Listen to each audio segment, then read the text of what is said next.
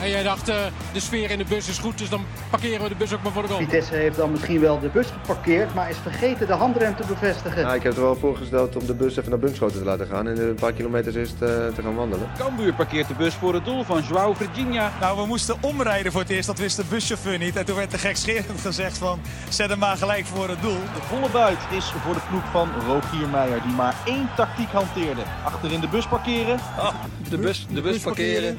Nou, dat, dat vind ik helemaal niks. Elke week rijden wij, Fresia Cousinho Arias en Milan van Dongen in ons busje het land door. Op zoek naar de hoofdrolspelers uit het Nederlandse voetbal. We praten met ze over wat er op het veld gebeurt, maar ook wat ze buiten de lijnen bezighoudt. In Fresia en Milan parkeren de bus. Wel handig zo'n stadion waar je ook boodschappen kan doen. Zeker. Nu weten de mensen dat we in Leeuwarden zijn. Ja. Nou, had ook Almelo kunnen zijn, maar we zijn in, uh, we zijn in Leeuwarden bij Cambuur. Wat een timing. Oh, oh, oh. Het weer past wel een beetje bij de sfeer hier in Leeuwarden. Het weer past bij de sfeer. Het ruimt ook nog eens. Ik moet zeggen, ik had... Uh, ik was uh, niet de wedstrijd live aan het kijken. Nee, want ik was, we waren allemaal de klassieker aan het kijken. Maar toen ik die uh, scores binnen zag komen, toen dacht ik al... Het zou me niet verbazen als wij straks een belletje krijgen of een appie. Ja. Jij kreeg ook een belletje? Ja, ja ik zat ook op het tweede, ik zat op tweede scherm een beetje mee te kijken. En ik kreeg na de wedstrijd inderdaad een, een appje van de trainer van George T, die bij ons in de bus zit.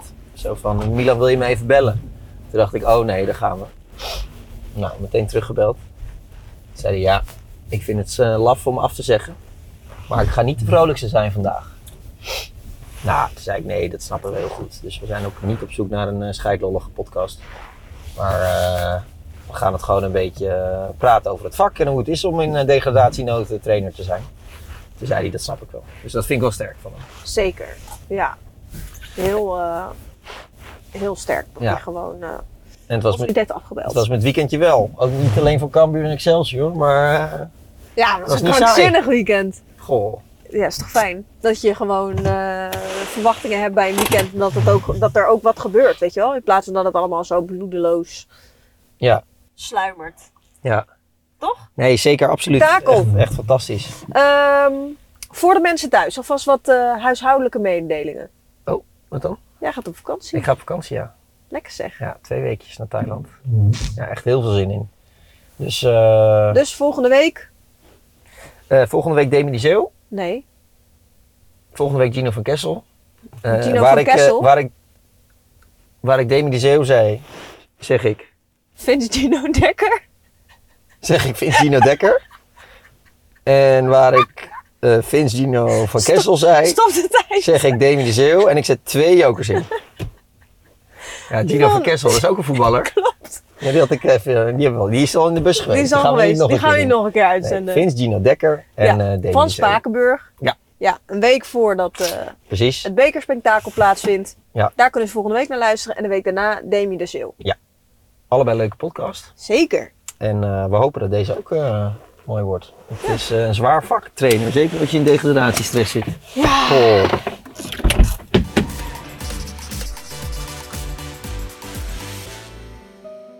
Ellenlange pagina's over scouting, over beleid, over cognitieve gedragstherapie. Over eigenlijk elk onderwerp waardoor een verjaardagsfeestje in een grafstemming verandert als je er langer dan drie minuten staat over te hoeren. Daar bestaan de schrijfopdrachten uit die nodig zijn om het schriftelijke bewijs te halen dat je klaar bent om coach te worden in een betaalde voetbal. Dat menig succesvol trainer in een betaalde voetbal die boekwerken liever door andere literaire romanticus laat optikken, is een patroon van alle dagen. Wanneer Robbie Alflen zijn hersenpan laat kraken over het karwei dat hem voor de boeg staat, moet hij maar aan één persoon denken. Die gozer in de jeugd die heeft gestudeerd. Die man die boeken leest en daar nog plezier in heeft ook. De Utrechter, die KNVB-opdrachten schrijft alsof het vriendenboekjes op de basisschool zijn, zal uiteindelijk bij meer eredivisiewedstrijden aan het roer staan dan Alphen zelf. En daarin krijgt hij genoeg voor elkaar. Dat Fortuna nog steeds op het hoogste niveau speelt, bijvoorbeeld.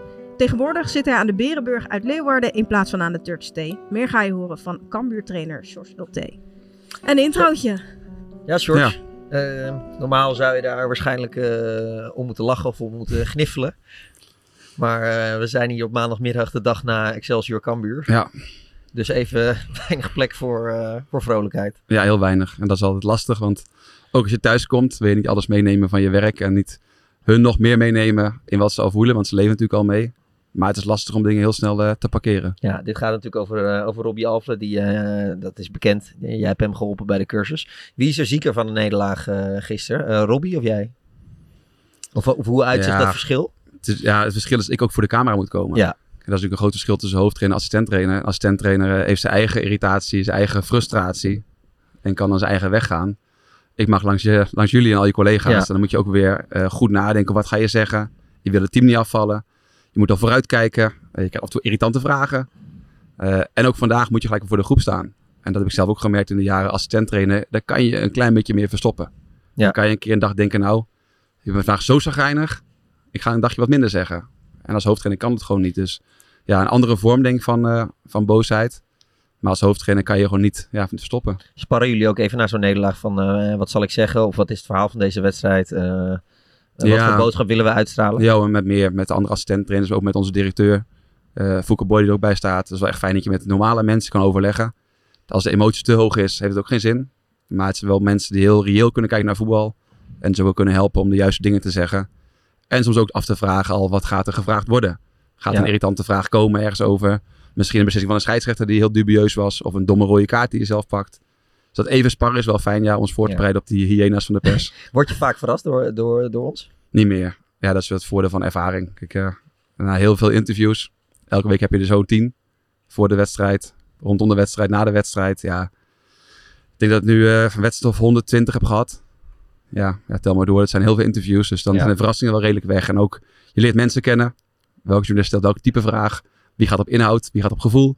Dus dat helpt wel om je goed voor te bereiden. Daar, daar ben je helemaal mee bezig per journalist. Nou, ik vraag wel altijd aan de perschef van tevoren al wie komt er. Want je weet gewoon dat bepaalde mensen wat meer willen steken. Dat mensen weer uit de tent willen lokken. Dat anderen heel inhoudelijk gaan zijn. Dus ik vind het wel fijn om te weten wie Je hebt staat gewoon erbij. bijna al een analyse, een soort wedstrijdanalyse al bijna van tevoren, ook wat dat, wat, wat dat betreft. Ja, maar het is wel, ja, kijk, dat iedereen kan invullen welke journalisten graag een beetje willen steken. Als Hans Kraaij komt, dan weet je, Hans vindt het leuk om ook een beetje te, te prikken. Ja. En dat is mooi, maar het is wel fijn als je daar voorbereid bent. Terwijl er ook anderen zijn die heel ander soort vragen stellen. Dus als je weet dat Milan er is, wat kan je dan Milan verwachten? komt bijna nooit. Milan vindt ons niet zo leuk, denk ik. Ik ben, nog, nou, ik ben wel bij Cambuur geweest, maar toen was jij nog geen, eh was jij nog Fortuna. Fortuna kwam die ook niet. Nee. Nee. Niet zo vaak, nee. Ja, je moet zeggen, ik vind het wel jammer. zij zegt nu over jou, maar Freesia zie ik ook nooit. Nee. Hey, Nee. hey, ik was... Eh, bijna nooit, sorry. Ik was bij Cambuur PSV. Maar ja, toen hadden we PSV Cambuur. Maar toen eh, hadden Toen, we Hans mocht, mee. toen mocht ik niet eens bij jou komen. Dus ja, Toen hadden we Hans mee, dus Ja. toen... eh, zei ik, eh, Gooiden we Hans zie- erop. Ik zie jullie allebei eigenlijk nooit. Nee, nee. Eh, wel een goed voornemen om vaker naar Cambuur te gaan. Naar Leeuwarden. Ik vind, nee, ik vind het hier eh, schitterend. Vandaag is het niet zo mooi. Het weer past wat dat betreft wel bij de, bij de sfeer hier. Ja, Ja. weer in de sfeer. We gaan het straks hebben over eh, hoe het leven is in, eh, in een degradatiestrijd als trainer. Moment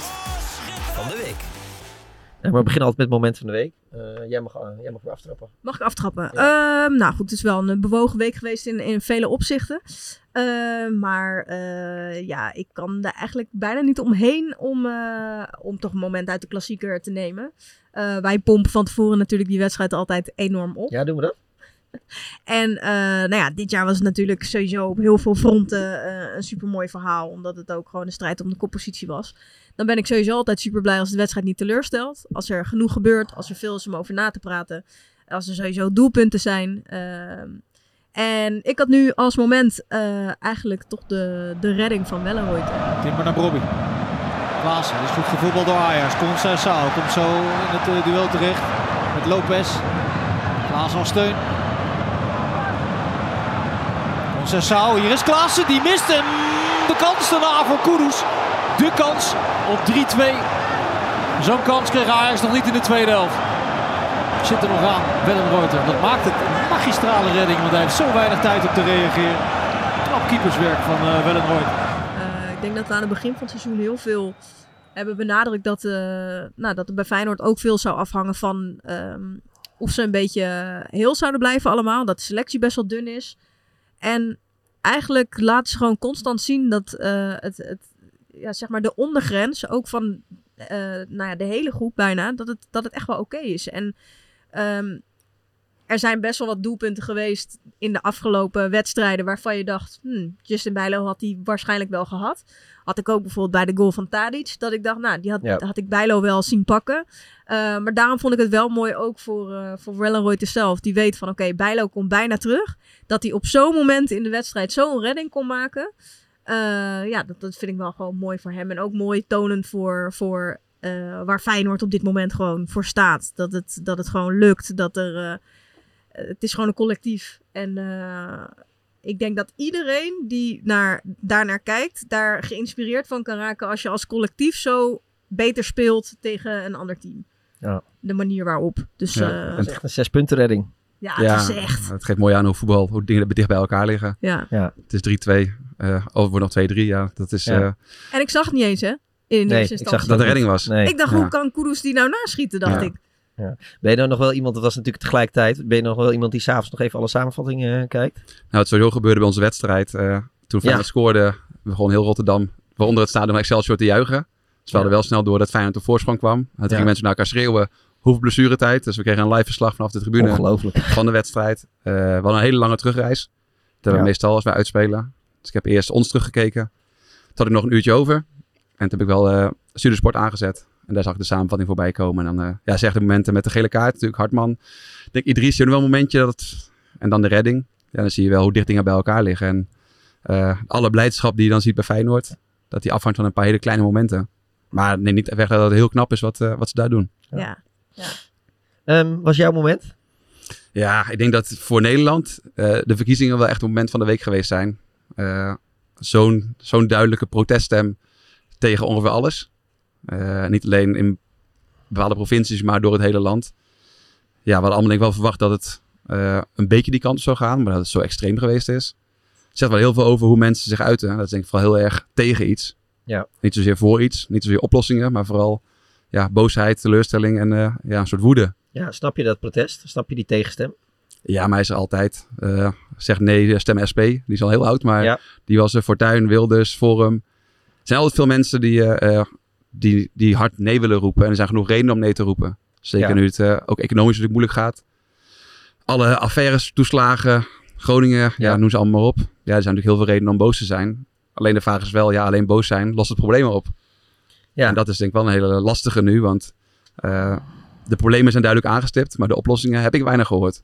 Nee, ja, kijk, als je naar het verkiezingsprogramma van. Uh, wat, wat trouwens wel een opmerkelijke reflex vond in de media, was dat er een aantal media. Uh, ik zag onder andere RTL Nieuws, maar ook de Volkskrant, die, die pas na de verkiezingen het verkiezingsprogramma van de BBB gingen uitpluizen. Ja. Dan denk ik, dat is nou precies je taak als, als journalistiek om dat ervoor te doen, zodat je mensen. Uh, nou ja, kan, kan, uit kan leggen wat, zeker bij provinciale staten waarin niet veel mensen partijprogramma's lezen. Uh, dat vond ik een opmerkelijk reflex. Maar ja, daar staat ook niet super uitgebreid wat het plan is. Nee.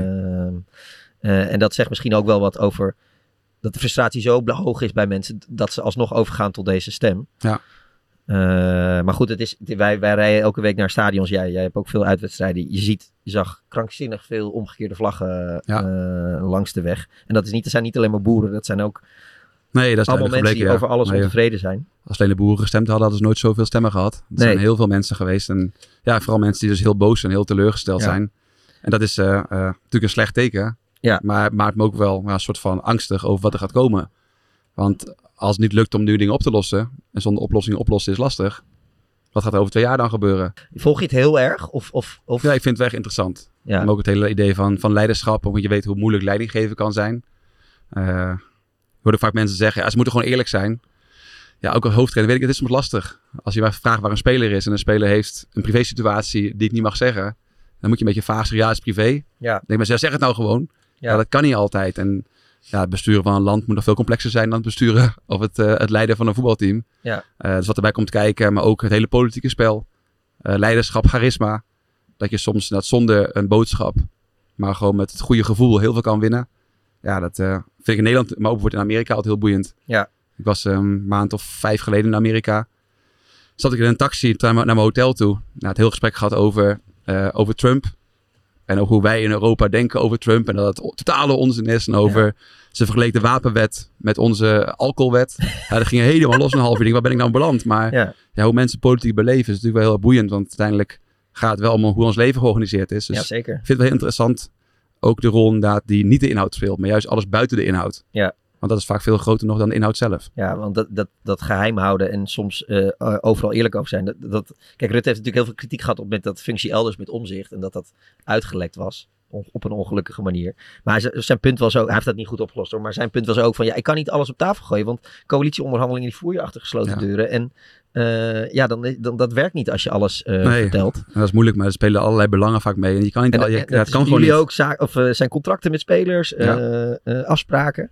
Ja, maar Eh, je, je wil ook niet altijd iedereen voor de bus gooien. Als dingen Nee. heel erg verkeerd lopen en je gaat het naar buiten vertellen. En dan kan een speler totaal klaar zijn met zijn carrière misschien wel. Ja. Dat je dan bekend maakt wat de reden is van het niet spelen. Maar achteraf krijg je als trainer lang kritiek dat die jongen niet gespeeld heeft. Dan denk je, ja, het zou voor mij makkelijk zijn om te zeggen hij speelt niet, want dit en dit is gebeurd. Ja. Maar in het belang van de speler zeg je dat juist niet. Nee. Ja, en dan, dat zijn wel hele moeilijke afwegingen die nogmaals voor een voetbalclub veel kleiner zijn dan als het gaat om het besturen van een land. Maar het hele politieke spel vind ik wel echt heel boeiend. Ja, en het, die serie op Netflix van die Amerikaanse president. eh, ja, die man die ook eh, heel veel verkeerd gedrag vertoond heeft. Oh, eh, ja, tuurlijk. Met Kevin Spacey bedoel Ja, die, je? ja. eh, nou, hoe kom, zo kom ik daar nou? House of Cards. Ja, House of Cards, ja, zo'n serie, ja. ja. Of Designated Survivor, met een ander type. Maar Die is ook werd heel van slecht op een gegeven moment trouwens. Ja, die, Designated ja, die ging wel eh, de verkeerde kant op. Ja. was hij goed. Ja, maar over het, eh, het jaar van Fortuin. Ja. Of die documentaire over de PvdA. Ja, Ja. dus Ik vind het wel interessant wat er allemaal bij komt kijken. Omdat het, het gaat eigenlijk over de hele maatschappij. Over Ja. alles wat er speelt in een heel land. En dat is wel eh, mooi breed, vind ik. Ja. Next level. Eh, jouw moment? Ja, dat is niet per se heel vrolijk. Eh, zal ik, eh, het is het moment van eh, Groningen met de fan die Willem slaat. Maar ja, om je nou als speler in dat eh, duw- en trekwerk en eh, dat gescheld te begeven, kijk, daar probeert iemand nog eh, een van zijn eigen spelers een klap te geven. Willen jullie dat positief of negatief begin? Positief Eh, eindig. Ja. Positief eindigen. Begin maar negatief. Nou, begin ik negatief. Ja, het is natuurlijk verschrikkelijk. Dat, dat is overduidelijk. Dat hoef ik niet te zeggen. Maar nou ja, hier zijn dus de uitsupporters eh, verboden door de burgemeester. Eh, de, de politie begint steeds meer te zeggen dat het over het hele land zou moeten. Maar ja, dit waren weer de thuissupporters. Ik word er een beetje treurig van. En ik zou zo graag een, een soort van cultuurverandering in het voetbal willen zien. Dat je, dat je gewoon met je gezin kan komen. Maar ik, ik weet niet zo goed wat de oplossing is. Heb je gezien bij Utrecht? Utrecht Eagles? Daar hebben ze supporters elkaar laten ontmoeten, zag ik. Nee, heb ik niet gezien. Ik zag het voorbij komen dat ze met de directeuren erbij en supporters bij elkaar voor Ja. de wedstrijd. Een soort van de hekken opengezet. Oké, wat goed. Vond ik wel een heel mooi initiatief. Ja. Ik bedoel niet dat het nou altijd zal lukken, maar ik vond het heel mooi dat ze als tegengeluid zoiets deden. Van Ja. we zetten gewoon de hekken open en we kunnen wel gewoon normaal met elkaar omgaan. Ja, ik had het gisteren met mijn broer over. Misschien moet je wel iets, een keer een experiment doen dat je gewoon door het, door het eh, hele publiek zet de uitsupporters. Ja, als ik in Duitsland ga kijken, dan is dat Ja. heel normaal. Ook qua shirtjes en alles. En Ja. alles loopt door elkaar heen.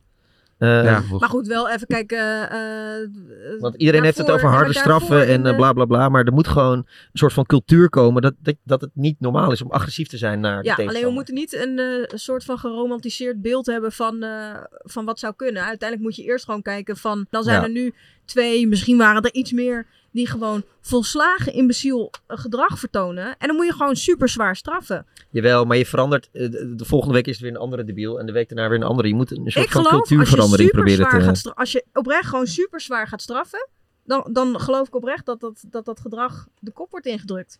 Oké. En nu gaat het elke keer maar ook mensen bij het voetbal die dan zeggen: ja, de voetbalsupporter, ja, eh, dat is zijn, dat, dat- moeten we dat allemaal een voetbalsupporter noemen? Omdat het onder de vlag van. Ja, maar sowieso, het gebeurt niet alleen bij voetbal. We hadden het over de verkiezingen, Ja. hoe, hoe Ja. boos mensen zijn, hoe welke demonstratie je ook gaat doen. Waar je ook kijkt, er is overal natuurlijk heel veel eh, idioot gedrag en mensen die zich heel raar gedragen. Ja. We hebben bij Groningen uit de wedstrijd gehad die gestaakt werd, Ja. omdat de hele groep het veld op kwam lopen.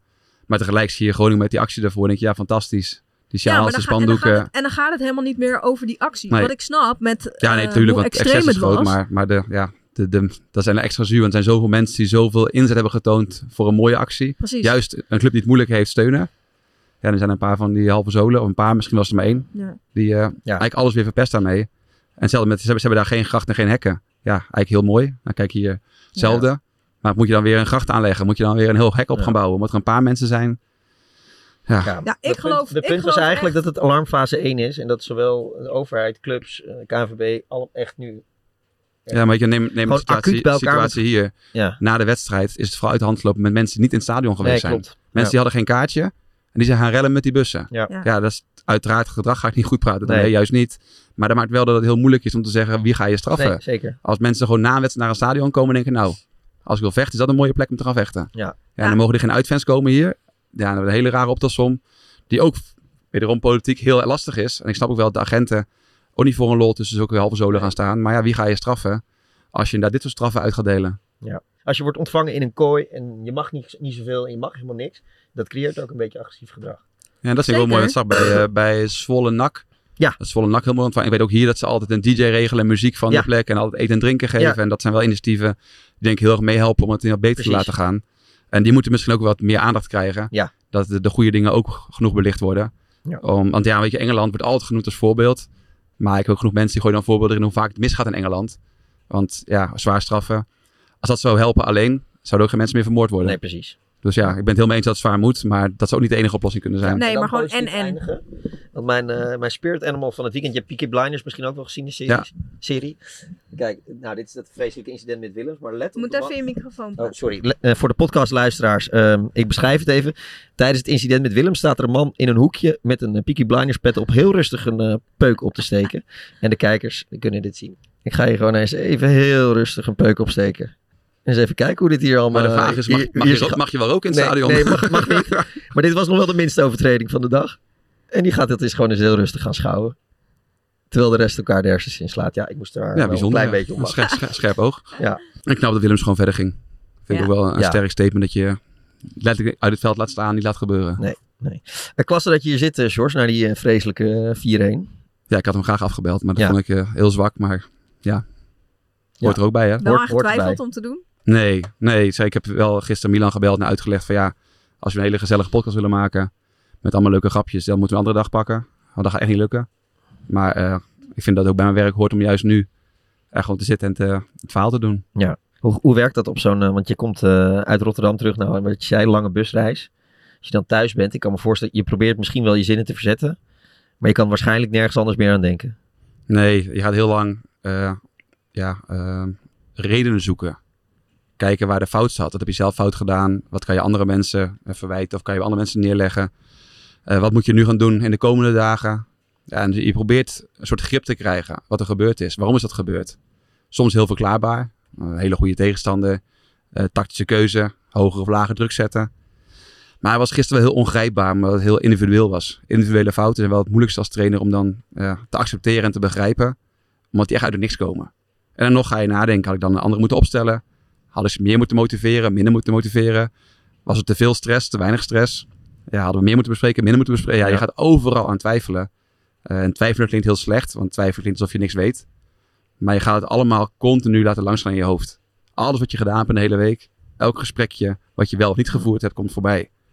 En dan probeer je een conclusie te trekken waar je, waarmee je verder kan. Maar die er vaak ook niet echt. Zeker nu met eh, het gekke kwartier waarin we drie grote fouten maken. Totaal uit het niks. Ja, is het wel heel moeilijk om een verklaring te vinden. En dus ook om ja, een soort van vrede mee te hebben. Want dan blijft het heel erg ongrijpbaar. Ja, eh, eh, hoe werkt dat? Dat doe, je dan in die avond, eh, waarschijnlijk thuis, hier in, ergens in Leeuwarden. Ja, in de bus kijk je wel terug. Ja. Dan codeer je al mee. Dan druk je gewoon de toets in van oké, deze aanval, dit moment wil ik nog een keer terugzien. Ja. Opvallende fout, opvallende situatie. Dan ga je nog een keer na. Maak je een nabespreking. Ja, en uiteindelijk komt daarna nog een proces voor jezelf. En met de grootste vraag hoe ga je de maand te goed benaderen? Hoe ga je de bespreking vandaag in? Ga je zelf veel praten? Gaan de spelers meer aan het woord komen? Ga je beelden gebruiken of juist geen beelden gebruiken? Wil je snel positief? Ja. Eh, wil je al praten over plek 16 of wil je het juist niet benoemen? Ja, je, je hebt zoveel keuzes te maken. En eh, ook heel veel dingen die je niet gaat doen, zijn toch een keus geweest. Ja. En wat heb je gedaan vanochtend en met welk argument? We hebben geen beelden gedaan. Eh, een aantal spelers zijn vertrokken voor een interlands. Dus sowieso was de groep niet compleet vandaag. Maar ook omdat we wel voelden, de momenten bepalen de wedstrijd. We komen na een minuut of drie of vier met een hele goede kopkans van Johnson. Ja, dus iedereen die roept slecht begonnen. Denk je, ja nee, we begonnen niet slecht. We wonnen de eerste duels, we krijgen een grote kans.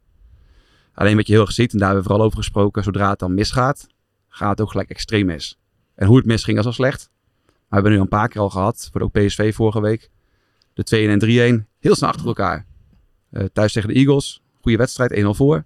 Wordt 1-1. En we zakken helemaal in elkaar. En dat is denk ik de grootste vraag. Hoe gaan we dat met elkaar oplossen? Het omgaan met tegenslag. Want als het goed gaat of er is geen druk, kunnen ze heel goed voetballen. Ja. Dat zie je wordt uit tegen AZ en ook uit tegen PSV. Zegt iedereen, ja dat is makkelijk, want dan heb je niks te verliezen. Maar thuis tegen Eagles heb je wel alles te verliezen. Heb je echt een goede pot gespeeld, 4-1. Ja. Maar ook dat stukje erin, wat toch minder was. Waarin het vertrouwen zo broos is, dat één fout alles ja, eh, uit je handen doet glippen. En dat is natuurlijk lastig, dat is heel ongrijpbaar. Je hebt liever dat je zegt, oké, we gooien te snel de as open. Of moeten eerder de, de lange bal spelen. Of moeten beter rugdekking geven. Ja. Daar kan je ook training op bedenken, een oefening op bedenken. Ja, dit mentale stuk eh, is dan veel lastiger. Maar geeft denk ik ook aan dat voetbal voor een heel groot deel veel meer dat is. Het is veel meer dat stukje dan een stuk van tactiek. Of een, eh, een perfecte paas geven. Maar het omgaan met druk, het omgaan met spanning, het omgaan met fouten. Het overeind blijven als de spanning groot wordt. Nou, gisteren Real Madrid-Barcelona, andersom Barça-Real. Ja. ja, die gasten moeten elke week twee keer presteren onder topdruk. En ik denk mensen vaak onderschatten dat dat deel van voetbal wel het moeilijkste is. Niet die bal goed raken, niet je beste dag telt, maar je niveau van de gemiddelde dagen. En dat zijn natuurlijk de beste spelers die jarenlang, twee keer per week, altijd een voldoende of hoger scoren. Dat is zo knap. Nu heb je eigenlijk dan al, nou ja, tweede seizoen op rij, die degradatiezorgen. Ja, derde. Hoeveel- Ja, ja, derde. Ja. Ja, ja, Ehm, hoeveel momenten op een dag kan je het ook even laten? Of kan dat überhaupt? Bijna niet. Je staat Nee, op het meteen. Je leert wel eh, gedurende de jaren om momenten te creëren waarin je ja, jezelf een soort van dwingt. Voor mij is het voor een bioscoop. Dan kan je je telefoon even niet pakken. Eh, ga je helemaal op in de film. Maar thuis een film kijken lukt het totaal niet. Dus we hebben ook een patépas, mijn vriendin en ik. Dus ik kan lekker naar de paté toe. Als dat mag voor reclame. Anders moet je maar wat andere. Nee, bioscopen, alle andere bioscopen erin gooien. Ehm, ja, en sporten. Je merkt ook wel natuurlijk ook gewoon... dus ja, je hebt alle dingen in je lichaam. Cortisol, adrenaline. Die moet er ook uit. Ja. Ehm, maar echt je hoofd leegmaken is wel heel erg lastig. Omdat je continu... Je hebt ook een mannetje of 27 aan spelers onder je, bij je. Je hebt een staf van 14 mensen. En alle 41 komen er vaak voorbij. Moet je even met die praten? Wat moet je daarmee doen? Oh, morgen nog even vragen hoe het met die enkel zit. Oh, kan hij al trainen of niet? Je hebt zoveel dingen die langskomen in je hoofd dat het bijna niet lukt om helemaal af te schakelen. Tegelijk moet je het wel leren, want anders word je helemaal gek. Maar als je, als je in zo'n situatie zit als nu, dan moet je wel ook focussen op dingen waarvan je voelt van ik krijg hiervan energie of hierdoor voel ik van ik vind het leuk. Ja. En dat lijkt me best wel lastig als je in zo'n negatieve spiraal zit. Ja, heel lastig. Hoe doe je Ja. dat dan? Ja, ehm, Of voel je dat op sommige momenten gewoon helemaal niet? Nou, soms weet je ook gewoon, het hoort bij het vak als hoofdtrainer. Eh, voor de januari maand wisten we dat het een hele pittige worden. Ja. Eh, met heel veel wedstrijden. Voor ons ook zwaar, net begonnen. Nog geen transfers kunnen doen. Nou, toen verloren we Volendam. Verloren Sparta, verloren we Treffers. En dan weet je gewoon de komende twee weken... Geen vrienden, geen leuke dingen. Het wordt, wordt gewoon echt heel erg hard werken. Want één, er moet heel veel gebeuren. Maar twee, eh, je wil ook geen andere dingen doen. Je wil alles eruit halen. En nooit het gevoel bij jezelf hebben van had meer gemoeten. Dat is tegelijk wat moeilijk als je wel wint. Want dan word je eerder ietsje makkelijker. En dat zijn natuurlijk de toptrainers. Neem, neem Ten Hag als voorbeeld. Die juist dan extra gas geven. Maar om hem door te gaan toen ze 7-0 verloren. Ja, wist ik wel eigenlijk met alles wat ik had. Zeker, die winnen de volgende wedstrijd. Want zo'n trainer is zo goed in dat dan weer omdraaien. En juist dan al je energie, alles erin stoppen om het te draaien. Ja, dat is wel het, eh, het mentale stuk van trainer zijn. Dat je juist dan sterk moet zijn. Maar dus ook juist dan, wanneer de energie het laagste is, het meeste energie nodig hebt. Ja, ik vond het zo creatief van hem dat hij zeg maar na die 7-0 dan zei van je gaat gewoon hier allemaal in de kleedkamer zitten en je gaat luisteren naar het geluid van de euforie van de tegenpartij. Eh, vond ik super creatief. Dat ik dacht, ja, je moet er maar op komen, weet je wel. Je moet elke week moet je iets nieuws verzinnen voor misschien soms dezelfde situatie waarin Ja. je zit.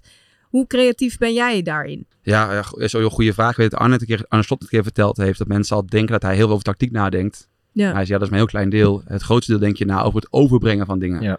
Hoe ga je mensen raken? Ja, en daar denk je continu over na. Eh, maar er zitten ook een hele kleine dingen als een gesprekje wel of niet voeren. Maar een speler die gisteren slecht gespeeld heeft, ga ik juist wel of niet vandaag met die speler zitten? En dan kan je heel lang over nadenken, want er zijn heel veel argumenten voor Ja. en tegen te bedenken. En dan is het ook fijn om een staf te hebben wie je kan overleggen. Eh, Kan het met- ook zijn dat je met de ene speler die slecht speelt wel op gaat praten en met de Ja. ander niet? Ja, en dan moet je weer nadenken wat voor gevolgen dat heeft. Want als Ja. de ene dat dan denkt, hé, waarom ik wel en waarom hij niet. En Ja. En als de ene ook- gaat malen, dan is het misschien een positief iets. En als de ander gaat malen, dan... eh, Precies. Kijk, ik heb heel veel moeten leren vanuit de jeugd. Eh, dan had je jeugdtraining gehad met gastjes van 11, 12 jaar. En dan was altijd, ja, iedereen gaat vrolijk naar huis toe. Wat er ook gebeurd is, ze gaan weer naar huis toe, moet vrolijk. Maar als je verder komt met oudere spelers, soms is het ook goed dat ze boos naar huis gaan. Of geïrriteerd of gefrustreerd. Denk, wat een vervelende trainer is dat. Ik ben helemaal klaar met die trainer. Want dan wil je juist dat ze erover na gaan denken. Dus dan moet je ook af en toe een bom droppen.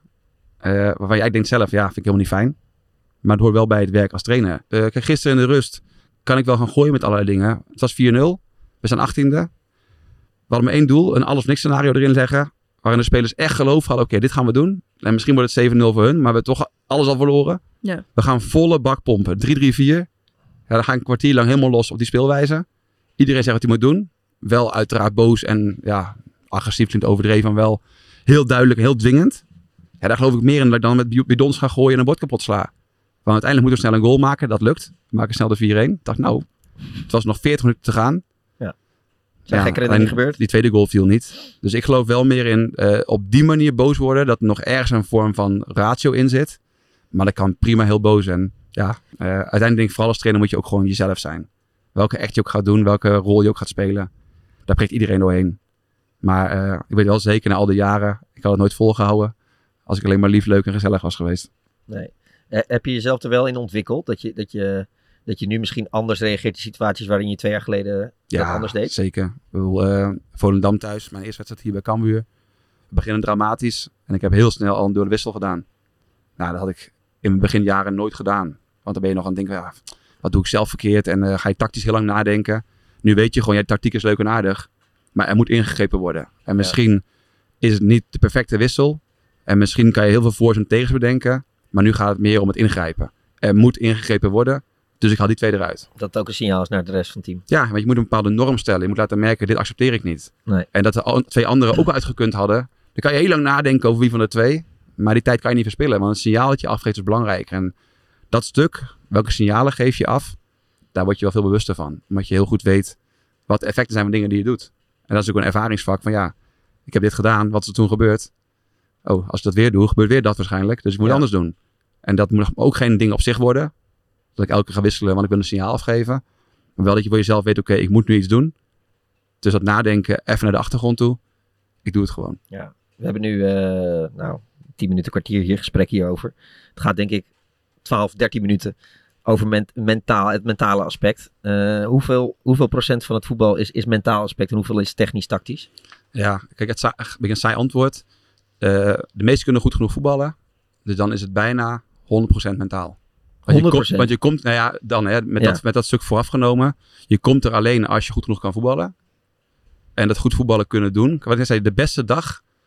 Als je elke speler zijn beste dag pakt, is hij echt heel goed.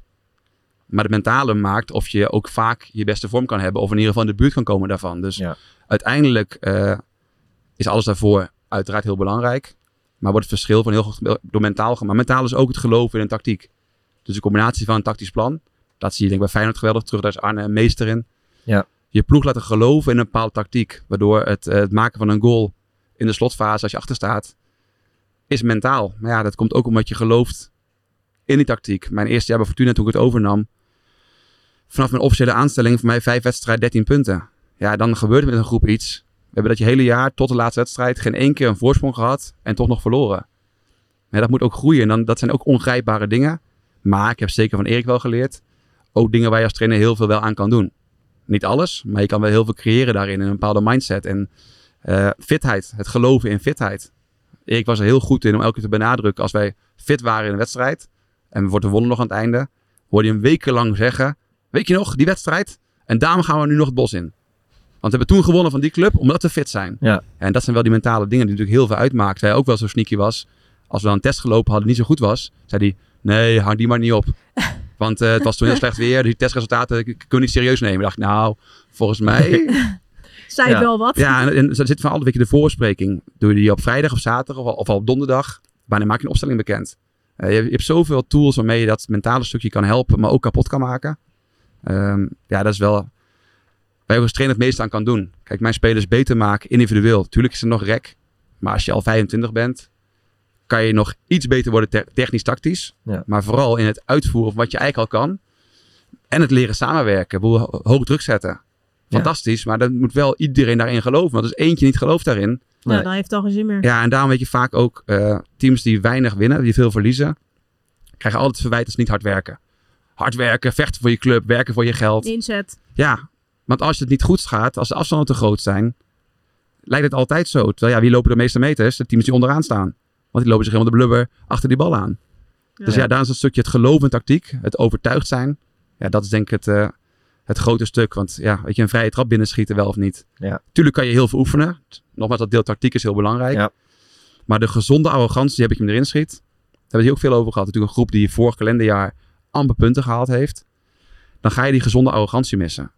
Een speler die een kans mist en zegt, weet je, ik heb hem gemist. Maar hij kan niet door mij, dit kwam door iets anders. Ja. De volgende score ik gewoon. Je moet eigenlijk ja, je moet arrogant zijn. Je moet een beetje meer zelfvertrouwen hebben dan eigenlijk terecht zou zijn om te kunnen omgaan met de druk, met de verwachtingen, met teleurstellingen. Een voetballer die heel reëel over zijn kwaliteiten is, kan eigenlijk niet goed presteren. Je moet Nee. een, beetje, ja, een beetje zelfoverschatting wel hebben. Niet te veel, maar wel een klein beetje. Soms kan het ook wel helpen als je een beetje dommig bent.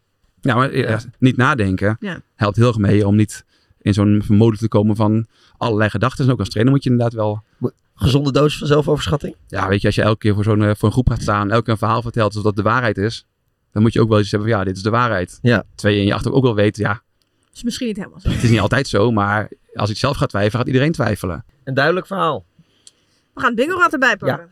Vijf balletjes, George. Moet, moet ik mezelf openen? Nee, nee, gaat. Hij komt er eentje aan. Ho! Oh, oh, oh. Nou, Is dat een vals of... eh? wachten hoor.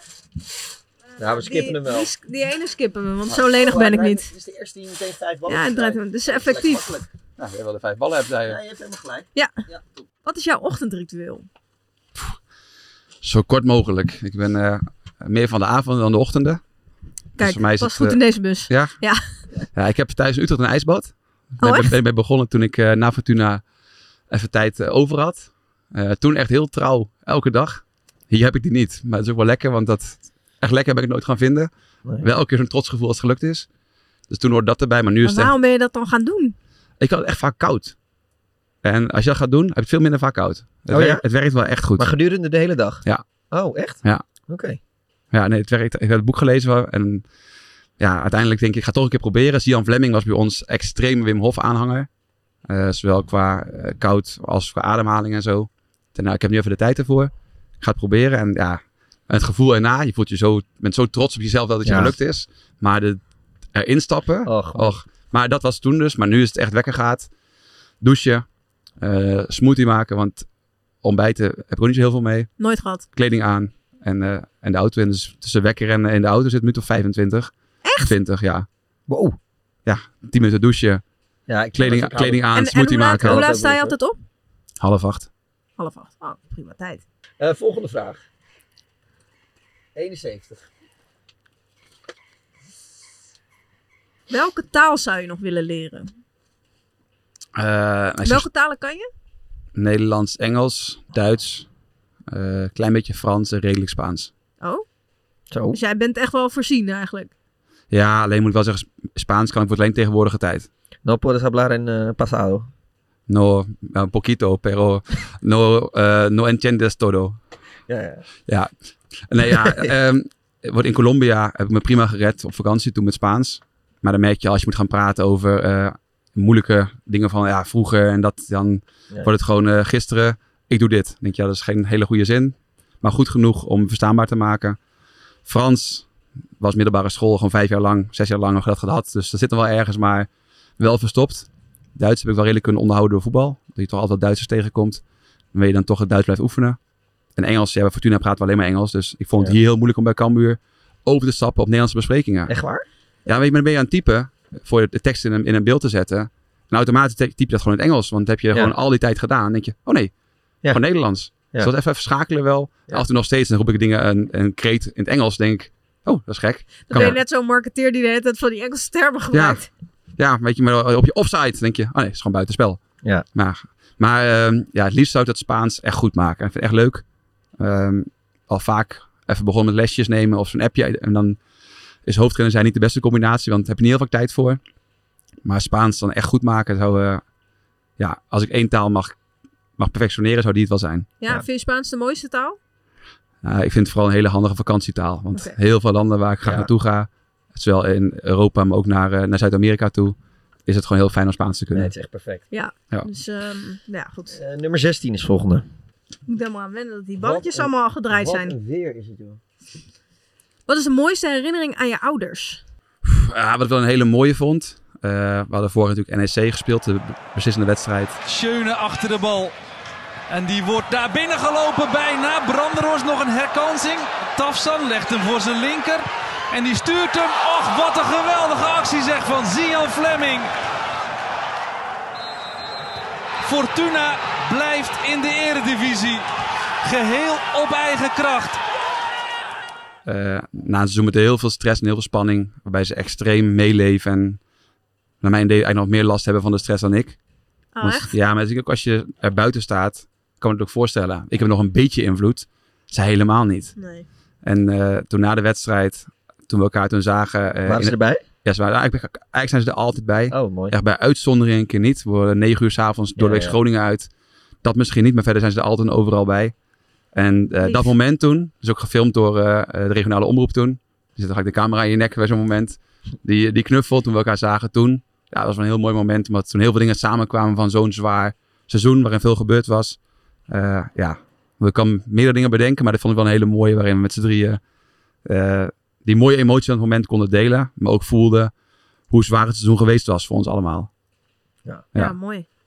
Dus dat is wel het droomscenario. Dat ze hier eh, op eh, 28 mei eh, Ja, dat is dan weer... eh, zie je dat- weer staan. Ja, ja wij wel... een camera nu in jullie nek, ja? Dat mag. Ik denk dat je ervoor tekent, dat scenario hoor. Dat je prima die camera Ja, in zijn nek wil. 58. Wanneer was jij het meeste trots? Eh, ja, of een, herinner een mooie herinnering. Mooiste herinnering. Ehm, ja, voor mij is het toch gewoon... eh, als mijn broer en ik wakker werden, we hadden een stapelbed. Dan maakte ik mijn broer wakker of mijn broer mij. En dan gingen we altijd nog even een half uurtje bij onze ouders in bed. eh, gingen we nog, want dan waren mijn ouders gewoon nog moe. Die dachten, ja, jullie Ja. mogen nog niet naar beneden. Was altijd nog even gewoon eh, met z'n allen, met z'n vieren gezellig in bed. En dat eindigde eigenlijk elke ochtend dat mijn vader opstond om ontbijt te maken. En dan waren wij, lagen wij nog even met mijn moeder in bed. Want moeder moest daarna altijd of studeren of werken. En eh, mijn vader was dat met ons thuis. Dus wij wilden nog even met onze eh, moeder chillen. En het eindigde elke ochtend met ruzie tussen mij en mijn broer. Uitstekend. elke Ja. ochtend, altijd weer. Maar dat zijn wel gewoon ja, hele warme, Ja. veilige herinneringen. Ja. Jij? Bij mij was het bij mijn huwelijk toen ze allebei een speech gaven. En dat is wel zo'n mooi moment dat, je gewoon, dat er dingen gezegd worden die je niet op een normale zondagavond als je aan het eten bent zegt.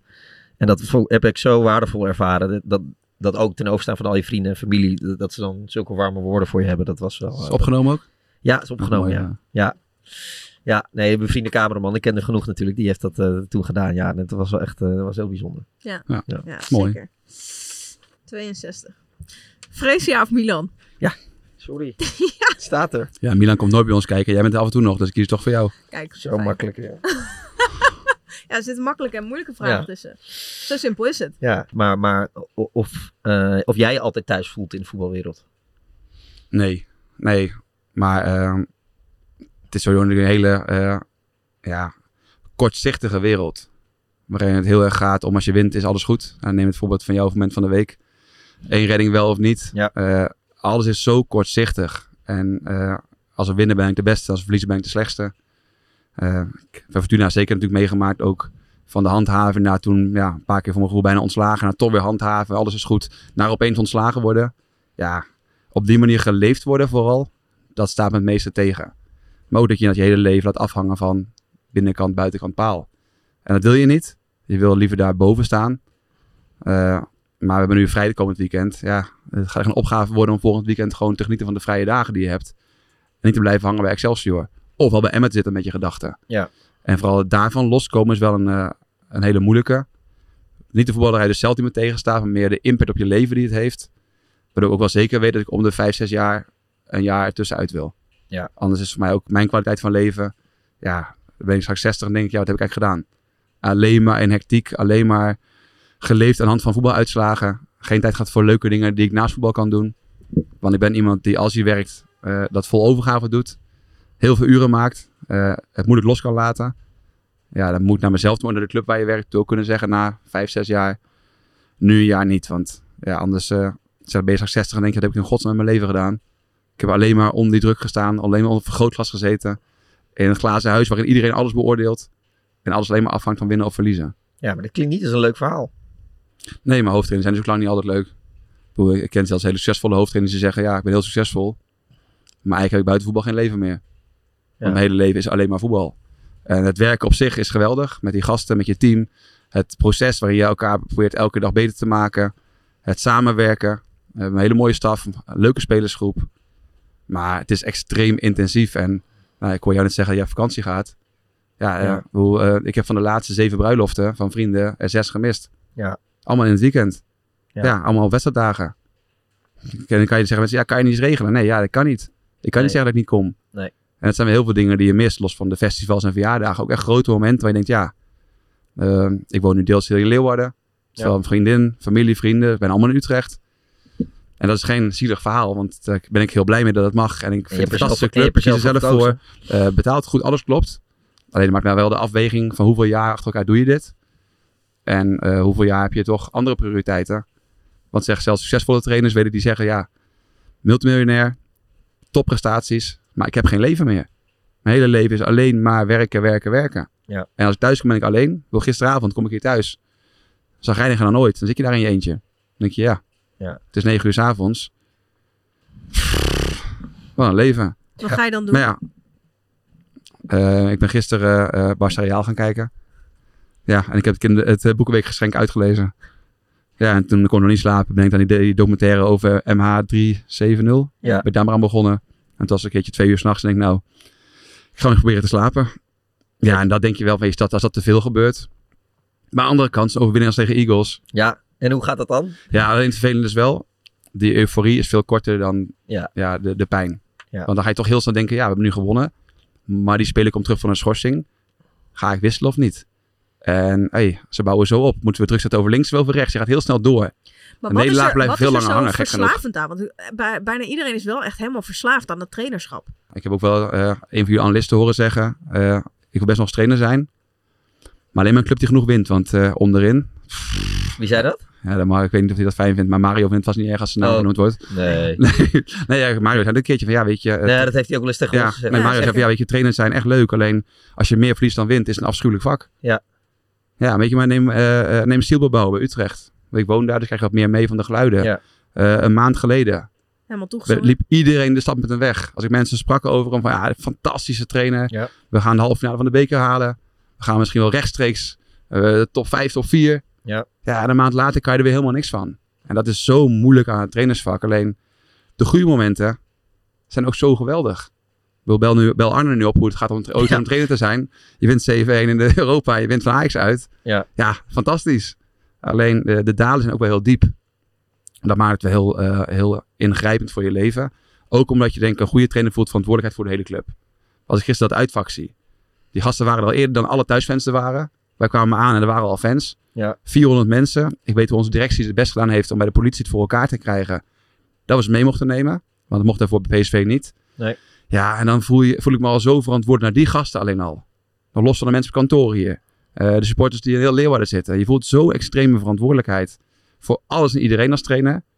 En je weet andersom ook dat ze jou erop aankijken. Ja. Dat ze jou aankijken op elke fout die een speler maakt. En dat maakt het wel heel erg... eh, ja, misschien als jouw vraag wel terecht, een verslaving is vaak niet goed. Maar vaak ook deels wel te begrijpen. Want de kick is geweldig. Alleen de, de neveneffecten zijn vaak eh, heel zwaar. Proces, het ideale woordje van Erik, waar Erik altijd over sprak. Maar het is Ja. wel zo, het proces moet je alle kanten bewaken. Hij hebt het mij nog een, eh, een dikke maand geleden. Rustig blijven, proces volgen. Ja, dat is wel het trainersvak. Alleen juist dat is moeilijk als het onrustig is. Dan degene zijn die die rust uitstraalt en zegt, we gaan die kant op. Wat er ook gebeurt, we gaan die kant op. Ja. Wel mooi dat Erik, ja, die heeft natuurlijk ook een krankzinnige tijd eh, is hij aan het beleven. Dat hij dan nog wel de tijd maakt. Hij zit, hij zit ook vrijdag keukenkampioen divisie te kijken, hoorde ik laatst van Hans. Ja, Hij- hij- mijn- tijd om jou te appen. Na mijn ontslag, ik werd ontslagen op, eh, op zondag. Ze hadden maandag toen, eh, oh Liverpool. Niet de 7-0, maar de, Ja, de, was de de, eerdere. de- de kentering, zeg Ja, de maar. kentering. Ja. En ik kreeg gewoon een appje van hem toen, die dinsdagochtend al. Ik denk, ja, je zit in zo'n roes. Was dan best wel druk op hem nog. Het Ronaldo gedoe speelde. Heb je Liverpool verslagen, maar ja, in Engeland moet je drie dagen later weer spelen. Ja. En dan toch even een appje sturen. Ja, het staat heel veel over eh, een goed mens. En dat blijft voor mij, ik heb die van Van Gaal. Van Gaal Ja. toen om heel veel advies gevraagd. En dat, was, dat blijft elke keer terugkomen. Na heel veel adviezen gegeven te hebben, zei hij, het belangrijkste is Goed mens. een goed mens zijn. Dat blijft voor mij de kern van trainer zijn. Los van alle dingen die je doet, zorg dat je een goed mens bent. En dat je trots kan zijn op hoe je met mensen omgaat. Ook al moet je boos worden, ook al moet je mensen wisselen, teleurstellen. Ja, probeer toch een weg te vinden waarin je een goed mens bent.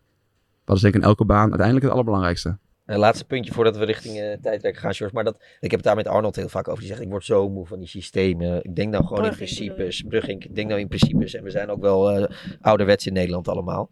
Eh, hoe kijk jij daarnaar? Of, of maakt het je eigenlijk niet zo gek veel uit? Nee, ik vind dat Arnold vaak gelijk heeft, dus nu ook wel. Ik denk alleen dat de, de kunst inderdaad is om eh, het zo simpel mogelijk te maken. Zodat het niet een heel wetenschappelijk ingewikkeld iets wordt. Nee. Maar inderdaad zo simpel als 10 meter hoger, 10 meter lager staan. Hetzelfde als je ehm, eh, over halfspaces praat. Ja. daar valt iedereen over je heen.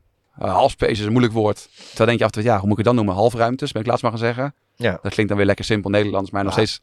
En dat zijn wel dingen, die je, je moet een beetje de middenweg zien te vinden tussen inderdaad eh, wel eh, vooruit gaan, maar niet het doen omdat het zo leuk is om moeilijke woorden te gebruiken. Nee, precies. En dat is denk ik wel de grootste kunst van elke politici, trainer, leider, wat je moet doen. Ja. Hoe simpeler je kan uitleggen, hoe beter. En hoe moeilijk je het uitlegt, is vaak een teken dat je het zelf niet helemaal begrijpt. Nee, dat is ook wel weer zo. Denk je, denk je dat we er ooit naartoe gaan dat wij het ook helemaal omarmen en normaal vinden dat trainers als Nagelsman en dat soort eh, types eh, uiteindelijk de boventoon gaan voeren? Ja, het is wel veel. Ik, ik heb nu ook van jullie geen enkele vraag gehad meer over. eh, eh, je bent geen voetballer geweest. Als ik naar mezelf kijk, eh, in het begin ging elk gesprek ging weer over. Ik ben geen voetballer geweest. En eh, we hebben de selectie bekeken. Robin Ruiter is ouder dan jij bent, hè? Hoe is dat nou? Ja, dat komt mij al eigenlijk een, een jaar niet meer terug. Kunnen we ook nog alleen, doen, hoor, Als je dat wil. Ik heb, ik, heb- ik heb die antwoorden er goed in zitten. Nee, maar dat, eh, eh, alleen er zullen er wat meer moeten zijn.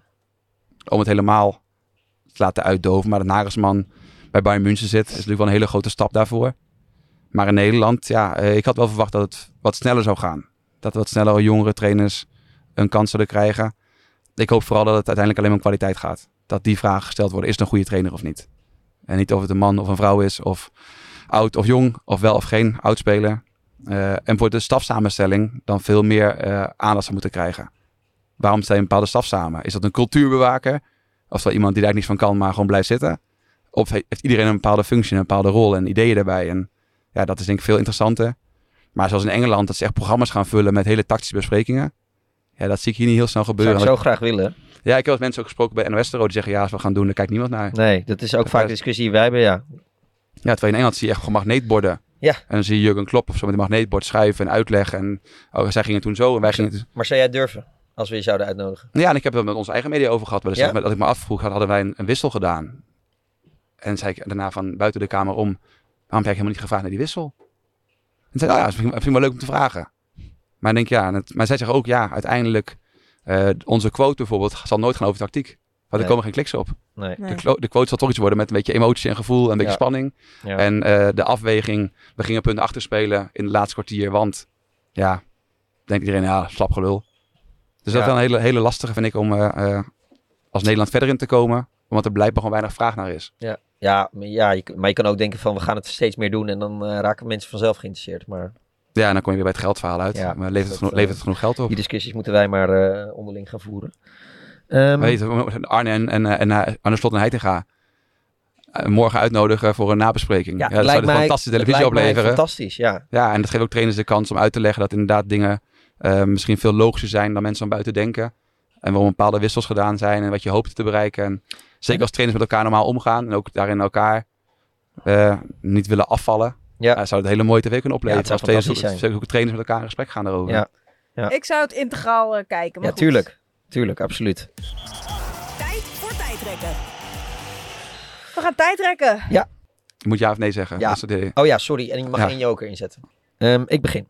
Zian Fleming of Burak Yilmaz? Sian Fleming. Die is nu wel echt episch bezig, hè? Bij Ja, ja, en kijk, Boerk is een geweldig grote speler. Alleen Sian heeft eh, ook een heel groot aandeel gehad in mijn, eh, mijn succes vorig jaar. Dus alleen heel dank daarvoor. In de knuffel met je ouders. Ben ik al verplicht om, eh, om Sian te noemen. Maar hoe hij het nu doet, geweldig. En eh, ik heb het voor mij al een keertje ergens heel voorzichtig genoemd. Maar het zou mij niet verbazen als Sian ooit nog gewoon in oranje komt. Ja? Ja? Ja, als, hij, als, hij, als je zo snel doorontwikkelt. Ja. Ik denk dat hij volgend jaar... 35 wedstrijden ik denk dat hij volgend jaar, 13 goals, twee assists. ja, ik denk dat hij volgend jaar Premier League speelt. 13 goals, 2 Ja. assists. Ik denk dat hij volgend jaar Premier League speelt. En hij is echt niet zo heel oud nog. Nee. En als je al Premier League speelt volgend jaar. En zo Maar jij denkt dat hij Premier League speelt met Mil Millwall? Ik denk dat hij sowieso Premier League speelt. Met, je met Millwall of zonder Millwall. Ja. ja, ik denk dat hij zo opvalt. Ja, Er is zijn zeker. geld zat. eh, ale- zijn hele- atleet ook, hè? Ja, zijn hele lifestyle. Zijn, zijn hele brede scala kwaliteit. Het scoren. Ja, de teamspelen. de- Ja, de, de hele combinatie. Ik weet niet of Sion het vervelend zegt, maar ik, eh, ik zou wel durven zeggen dat hij oranje gaat halen. Oké. Heb hebben jullie, hebben jullie gelijk de Waarvan quote, de, de, quote. de quote voor het stukje, weet ik Ja. al. Sian Fleming in oranje. Ja. Een stroomman in het voetbal zou niet moeten kunnen. Eens. Wil je hem nog toelichten? Of, eh, Ja, als het puur een stroomman is, niet. Nee. Maar ik vind wel dat er allerlei constructies zijn waarin een stroomman niet het juiste woord is. Waarin je op allerlei manieren allemaal een goede rol speelt. Bijvoorbeeld Michel Jansen en, eh en Schreuder. Ik heb Michel later leren kennen bij Twente. Ja, ik- ik- stroomman, je zit er alleen maar bij. En je doet helemaal niks. Maar je zit er alleen maar voor je diploma. Ja, Dat vind ik niet kunnen. En dus Nee. als je echt het woord stroomman letterlijk neemt zo. Ja. Nee, dan Ja. vind ik het niet kunnen. Ehm, Björn Johnson gaat de dubbele cijfers halen dit seizoen. Ja, Hoeveel staat hij nu? Vier goals. vier. Het belangrijkste advies dat Henk de Jong me heeft meegegeven is... Blijf jezelf. Dat is ook een mooie. Ja, wel mooi de band die jullie hebben. Ja, er wat ja, het is bijzonder gebeurd. Hè. Henk zei toen al eh, bij mijn laatste wedstrijd bij Fortuna... Als ik wegga, dan eh, Ja. moet jij hierheen komen. Ja, het is helaas eh, heel snel gegaan. Eigenlijk voorbij mijn ontslag en zijn, en zijn ziekte. Maar wel eh, fijn om nog steeds met hem contact te hebben. Zijn zoon werkt bij ons in de staf. Ja. Ze hebben nog veel, veel contact. Ja, geweldige man. En eh hopen dat hij heel snel weer gezond hier terug is. Ja, Ja, zeker. laten we dat zeker hopen. En, eh, mooi mens inderdaad. Het boek dat ik elke trainer kan aanraden is... Eh, John Wooden. A Lifetime of Observations on and off the court. Kan je, een, kan je in een hele no- korte noot erop zeggen Ja. waar het boek over gaat? Eh, Amerikaanse basketbalcoach, studentenbasketbal. Een van de meest succesvolle alle tijden. En eigenlijk gaat het helemaal niet over basketbal. Maar hoe je als trainer omgaat met spelers. Met jezelf, met het proces, met het mentale stuk. Hij heeft de piramide van succes gemaakt. Met alle bouwstenen die te maken hebben met dus alles behalve de sport zelf. Ja. Maar vooral hoe wil je als mens, als leider eh, er voor je groep zijn. Mooie TED-talk ook, als je niet van lezen houdt. Dus eh, ja, echt een... eh, ik heb hem van Pijn Leinders toen gehad. En echt een, echt een mooi boek. Mooi. Mijn droomclub in het buitenland is... Zo. Ehm, Valencia. Me- Valencia? Me een leuk leven. Nee, ik heb niet echt een droomclub, dus ik, noem, ik, ik moet gewoon denken aan een leuk... hij kiest gewoon de mooiste Ik- stad. Ik, ik zoek Mooie een mooie stad. Sevilla, is Sevilla, Valencia, een beetje die hoek te zoeken. Valencia is een Nee, ik heb, topstad. ik heb niet echt een droomclub, maar als je dan vraagt qua land, zou Spanje wel echt een fantastisch Ja. leven zijn. Ook heb je daar waarschijnlijk ook geen tijd om van te genieten als trainer. Nee, maar, precies. nee, maar eigenlijk dus geen droomclub, maar Valencia of Sevilla, zoiets is wel een... eh, Mooie stad. klinkt goed. Snap ik wel. Ooit word ik hoofdtrainer van FC Utrecht. Ja, Mooi. De term kroonprins van het Nederlandse trainersgilde moeten we nooit meer gebruiken. ben ik wel met je eens. Ja? Ja, Ik noem Robert Oude nog altijd de kroonprins. hou, hou die, hou die maar bij Robert gewoon. De eeuwige kroonprins. Nee, hij dreigt nu een beetje het wiegers te worden. Ja, we hebben nu ook Wouter, We- we eh noemen hem de hele tijd- de hele tijd de kroonprins. meneer de kroonprins. Maar dat wil hij helemaal niet, want dan weet hij dat het misgaat. Ik heb hem gelukkig bijna niet gehad. Ja, jij, hebt hem, jij bent hem ontlopen, hè? Ja. Daar heb je wel massa mee gehad. Ja, we gingen heel snel de Short meter in. Ja. En dat, eh, verder is er, is er niks geks gebeurd die periode. Nee, nee. De speler waar ik de meeste tijd en energie in heb gestoken is... Oeh, oeh, lastige. Eh, ja, Giovanni Troepé. Ik heb hem in de onder 12 gekregen bij Utrecht. In de onder 16 gehad. Toen hij bij 1 kwam gehad. Als assistenttrainer bij 1 gehad. Nou, daarna nog veel contact mee gehouden. Dus echt zijn hele voetballoopbaan. Heel veel Van jaren samengewerkt. tot, van, eh, ja, van jongens af aan tot, tot spelen van het jaar bij Utrecht. En nu nog steeds contact. Hij zit in Bulgarije nu, maar Ja, ik, nog steeds contact mee. Ja, ik wist ook niet waar hij hij speelde. Ja, Bulgarije, dus grappig. Als Ten Hag een assistent bij United nodig heeft, dan mag hij me bellen. hij mag altijd bellen. Ik wist dat je dit ging zeggen ook. Ja, tuurlijk mag hij bellen. Ja. Ja, Ja. Zeg je ook ja?